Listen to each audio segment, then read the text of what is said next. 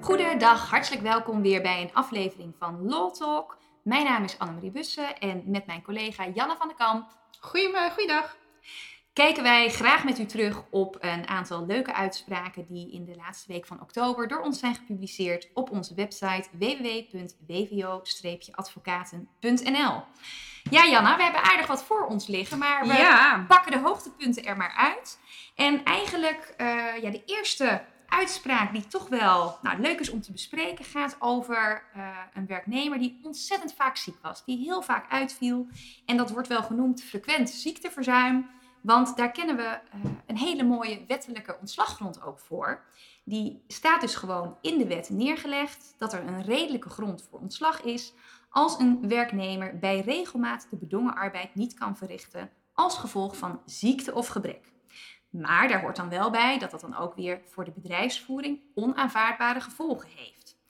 Um, ik weet niet, heb jij wel eens zo'n vraag gehad dat, um, dat je na moest gaan? Of, um, of dit misschien een optie was in een dossier wat, uh, wat bij een werkgever op het, op het bordje lag? Ja, ik heb, ik heb wel eens een kwestie gehad. Um, hè, ja, daar was inderdaad een werknemer echt regelmatig uh, ziek. Maar ja, dan wel net kort, weet je. Ja, twee, drie dagen en dan was de werknemer er weer. Nou, dan ging het een paar weken goed. En dan kwam er weer een ziekmelding. Ja, dat is voor een werkgever natuurlijk heel erg vervelend. Ja, nou, wat jij zegt, hè, het, het zit er met name in um, korte periodes er niet zijn. Iemand die bijvoorbeeld um, hè, op maandag en dinsdag dan ziek is, maar ja, te kort om te zeggen, we zetten de bedrijfsarts er misschien meteen op, want op woensdag is zo iemand er weer. Dan gaan ja. we twee weken goed. En vervolgens, uh, nou, na drie weken is er weer een lang weekend, wordt er door deze werknemer zo aangeplakt. Nou, en dat is wel, wel goed dat je dat zegt, want de wet zegt dus, daar kunnen we iets tegen doen. Maar dan zijn er nog wel ook wat andere vereisten. Um, als jij dus als werkgever dan als ontslaggrond dat frequente ziekteverzuim wil aanvoeren, moet je ook nog wel laten zien dat er niet binnen 26 weken herstel te verwachten is. En ook dat de arbeid van die werknemer, de bedongen arbeid, dus zijn eigen werk, niet binnen 26 weken in aangepaste vorm kan worden verricht. Ook moet je iemand niet kunnen herplaatsen binnen een redelijke termijn. En er moet ook nog een deskundige orde van het UWV worden overgelegd. Dus dat zijn best wel wat vereisten. Maar goed, als je die af kan vinken. Nou ja, ik wou net zeggen, het klinkt redelijk overzichtelijk, toch? Ja. Dus als je deze af kan vinken, dan zou je ontbinding kunnen vragen bij de, bij de rechter. Ja, um, vragen kan natuurlijk altijd, want daar zit hier een beetje het probleem precies, in. Ja, want, want hoe, hoe gaan rechters hier eigenlijk mee om? Nou, wat je dus ziet, is dat er eigenlijk geen enkele uitspraak bekend is waarin deze ontslaggrond ook daadwerkelijk tot ontbinding heeft geleid. Voor 2015, voordat we de WWZ hadden, niet, maar ook na 2015 niet. En waar het dan eigenlijk op stuk loopt, is dat de uh, kantonrechters eigenlijk allemaal, wel met een wat andere motivering zeggen, we zien de problemen, we zien het frequente ziekteverzuim, dus daar komen we wel aan toe. Maar zijn er wel dusdanige organisatorische problemen, waardoor dus eigenlijk alleen maar ontslag als oplossing kan dienen? Nou, en daar is door de rechtbank Limburg volgens mij in 2017 al een uitspraak over gedaan. Daar werd gezegd van, nou, ik zie het probleem. Het is ook allemaal heel lastig en vervelend voor het team, die het elke keer maar moet opvangen. Maar jullie werken met een flexpool. Jullie hebben meerdere filialen. Het ging over een supermarkt, geloof ik. En dan kun je dus prima uit die flexpool iemand neerzetten om de werknemer die vaak ziek is, om, uh, om die te vervangen. Maar dat is best wel heftig, want dat brengt natuurlijk ook hele hoge extra kosten met zich mee. Je moet ander uh, personeel inschakelen. Ja, en uh, dat, dat zegt de kantonrechter ook. Die zegt ook van ja, um, hè, verhoogde werkdruk voor collega's, maar ook omzetderving, dat kan best wel een, een, een gevolg zijn van dit frequente ziekteverzuim. Maar het is niet onaanvaardbaar voor de bedrijfsvoering. En dat zie je ook terug in een recente uitspraak van de rechtbank Den Haag uit september. Die zeggen, beste werkgever, we snappen dat het vervelend is, maar je bent een hele grote beursgenoteerde onderneming. Dus van jou mag echt wel wat meer verwacht worden bij frequente uitval. Dat je dat op een bepaalde manier ondervangt, dat je er een oplossing voor zoekt. Dat moet je maar ondernemingsbreed een oplossing voor vinden. Dus er wordt geen toestemming gegeven om afscheid te nemen wegens frequent ziekteverzuim. Maar dan zou de kans dus eigenlijk groter zijn dat je als echt kleine ondernemer misschien beter die onaanvaardbare gevolgen kan aantonen dan wanneer je een heel groot bedrijf bent.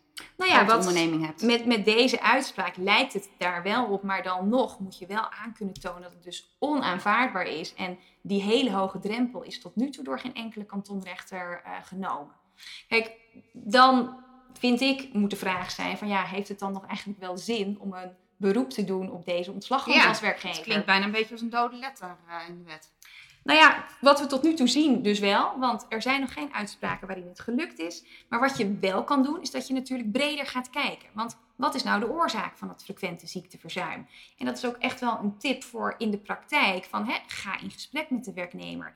Zo nodig in combinatie met de arbodienst of de bedrijfsarts. Zitten er uh, privéproblemen achter waardoor iemand er vaak niet is?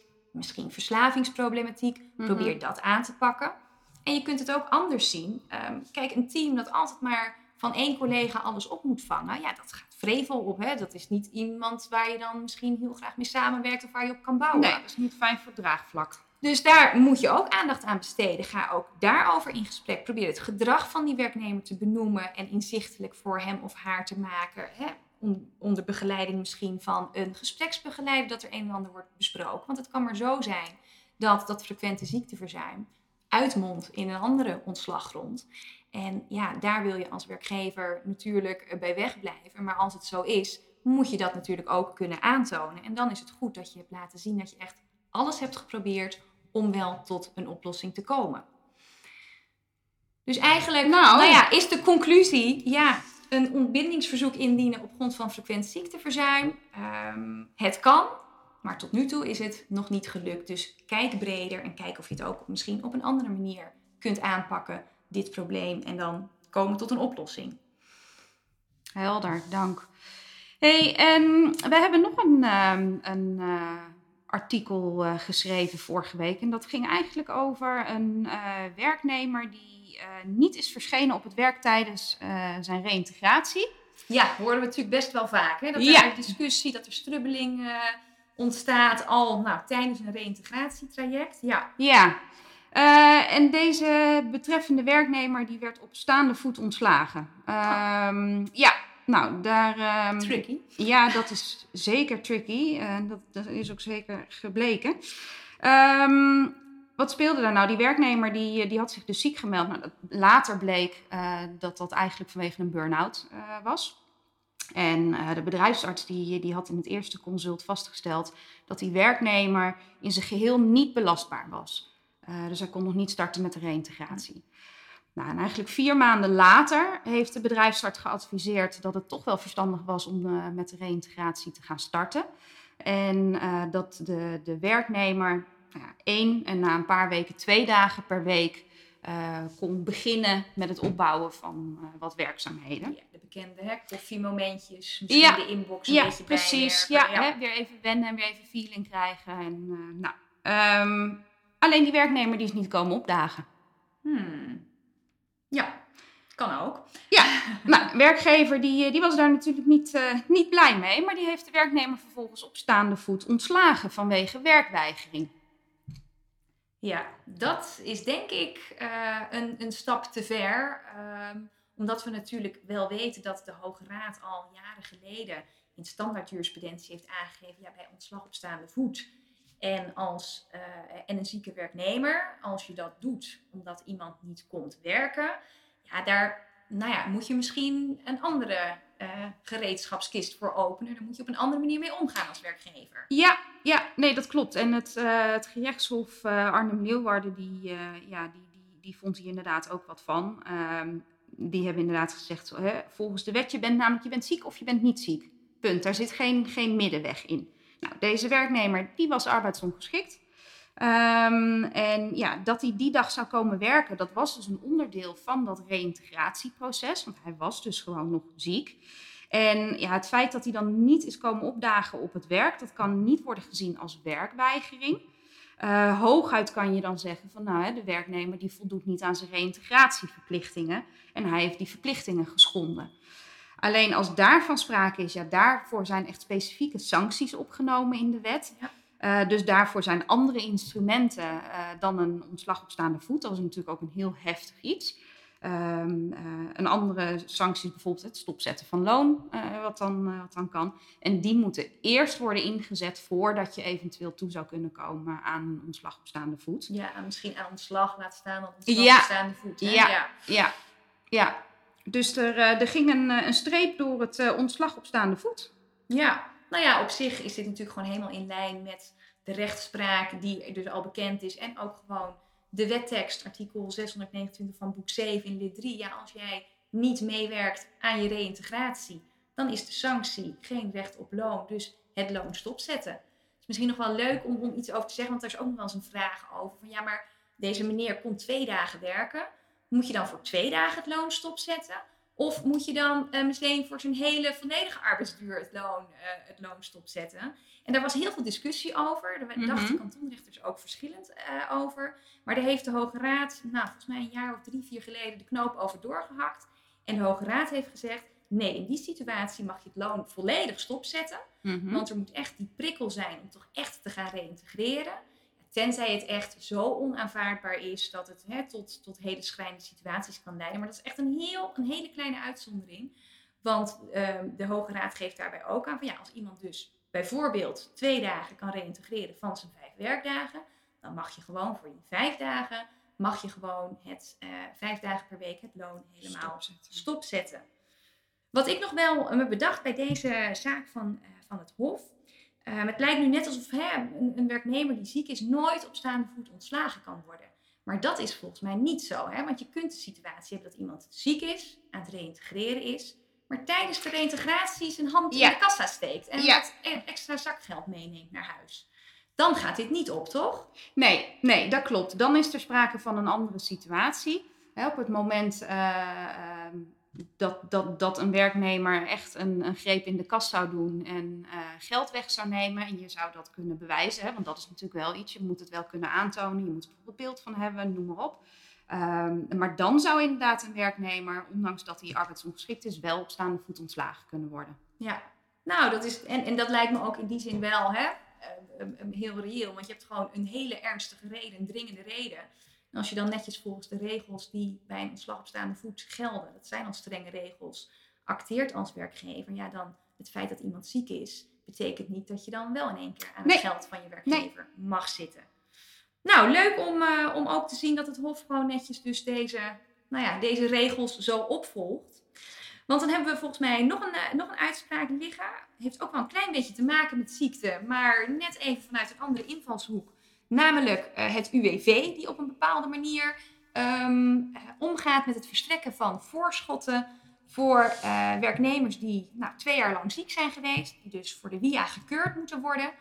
Maar omdat er zo'n groot tekort is aan verzekeringsartsen bij het UWV, duurt dat allemaal te lang. Ja, de loondoorbetalingsverplichting bij ziekte van twee jaar, die is al geëindigd. Dus ja, de werknemer heeft een probleem, want geen recht meer op loon van de werkgever. En het UWV heeft nog geen beslissing genomen over de via-uitkering. En wat het UWV dan vaak doet, is dat ze een voorschot verstrekken. Dat, uh, dat mag het UWV, dat kan het UWV doen. Alleen, wat was er aan de hand? Je kunt natuurlijk eigen risicodrager zijn als werkgever voor de, uh, voor de WGA-uitkering. En dat betekent dat als een werknemer na twee jaar ziekte een eh, WGA-uitkering ontvangt, dat het dan toch door jou als werkgever of misschien zelfs ex-werkgever moet worden betaald. Alleen die voorschotten werden door het UWV ook bij de eigen risicodrager uh, op het bordje gelegd. En daarvan zei een werkgever die eigen risicodrager was, ja maar ho, daarvoor bestaat toch helemaal geen wettelijke grondslag. Um, de uh, rechtbank Limburg weer, die mocht zich daarover buigen. En uh, die gaf ook aan van nee, het klopt, beste UWV, wat u doet, dat mag. U mag een voorschot verstrekken. Alleen er staat nergens in de wet dat dan dat voorschot ook weer mag worden doorgerekend aan de eigen risicodrager. En waarom niet? Um, in deze zaken waren er bijvoorbeeld volgens mij ook vijf um, werknemers die wel een voorschot hadden gekregen, maar die uiteindelijk bij dus de verlaten via-keuring te horen kregen u krijgt helemaal geen WGA-uitkering. Eén kreeg er een IVA-uitkering. Maar ja, daar hoef je als eigen risicodrager niet voor op te draaien. En de andere vier, die waren minder dan 35% arbeidsongeschikt. Dus die kregen helemaal geen WIA-uitkering. Terwijl het voorschot dus wel bij deze ex-werkgever was neergelegd. Ja, en het is natuurlijk ook wel heel erg gek, want op het moment dat je zo'n voorschot verstrekt, ja, dan is er natuurlijk nog helemaal niet zeker dat, hè, er staat nog helemaal niet vast dat die werknemer of die, die ex-werknemer uiteindelijk wel een uitkering inderdaad gaat krijgen. Dus daar is natuurlijk heel veel onzekerheid over. Maar het is natuurlijk ook wel weer, hè, even, even vanuit een andere hoek bekeken, ik vind het ook wel weer een klein beetje een dilemma, omdat dus het UWV zo'n grote achterstand heeft. Het UWV, hè, waarvan wij vinden dat is de instantie die moet beoordelen of er een via-uitkering moet komen, een WTA-uitkering. Omdat die zo'n grote achterstand en een groot tekort hebben, zou dan dus eigenlijk die zieke werknemer, die in ieder geval twee jaar ziek is geweest, er de dupe van zijn. Omdat als er dan hè, nu terughoudend wordt omgegaan met het verstrekken van voorschotten, omdat het nu niet uh, op de eigen risicodrager uh, um, per se kan worden verhaald door het UWV, ja, dan is misschien wel de verzekerde de dupe daarvan. De werknemer die dus uh, zit te wachten op zijn Ja, want die zou dan geen, hè, die krijgt geen loon meer nee. van de werkgever, maar inderdaad ook nog geen uitkering vanuit het UWV. Dan wel betaald door de werkgever, maar... Dus ik denk, ja, toch misschien ook echt wel, voor zover dat aan ons is, een oproep. Ja, UWV, zorg ervoor dat je op de een of andere manier... Uh, nou, in ieder geval je, je, je tijd en je, je zaakjes op orde krijgt. Want um, nou ja, dit is natuurlijk een, uh, een hele vervelende en lastige situatie voor een werknemer die in spanning afwacht wat de financiële gevolgen zijn van het feit dat, uh, dat hij ziek is en al, uh, nou, al even moet wachten op, op duidelijkheid. Volgens mij waren dat de uitspraken die wij hadden. Waren er nog ja. andere dingen die ons zijn opgevallen? Of heb jij nog een... Um, nou, wat, ja, wat natuurlijk afgelopen week hè, met alle, alle maatregelen, de coronamaatregelen, wat natuurlijk wel voorbij is gekomen, is eventueel de, de coronapas. Ja. Waar natuurlijk heel wat uh, al over te doen is. Um, ja, of een werkgever uh, ja, mag vragen om zo'n coronapas aan een werknemer op de werkvloer. Of ja, dat toch in bepaalde branches ja, of willen gaan misschien wel. Ja. ja, ik denk dat dat de gemoederen wel bezig gaat houden hoor. Je ziet dat er, hè, er is nu gezegd, het wordt onderzocht. Ja. Of het ook op de werkvloer kan worden toegepast. Maar dan moet in ieder geval de wet worden aangepast. Want nu um, is gewoon, hè, inderdaad wat je zegt, de horeca, uh, restaurant, dat soort zaken. Dat is vastgelegd welke branches het zijn. De werkvloer expliciet niet. Dus dan, nou ja, daar zal nog wel even een verhitte discussie over uh, gevoerd gaan worden. En nou ja, of het gaat halen dat weten wij natuurlijk ook niet, maar dat houden wij voor u in de gaten. Um, wie weet kunnen we daar in een volgende Law Talk bij u op terugkomen. En um, we willen voor nu zeggen ontzettend bedankt voor het luisteren en tot de volgende keer. Tot dan!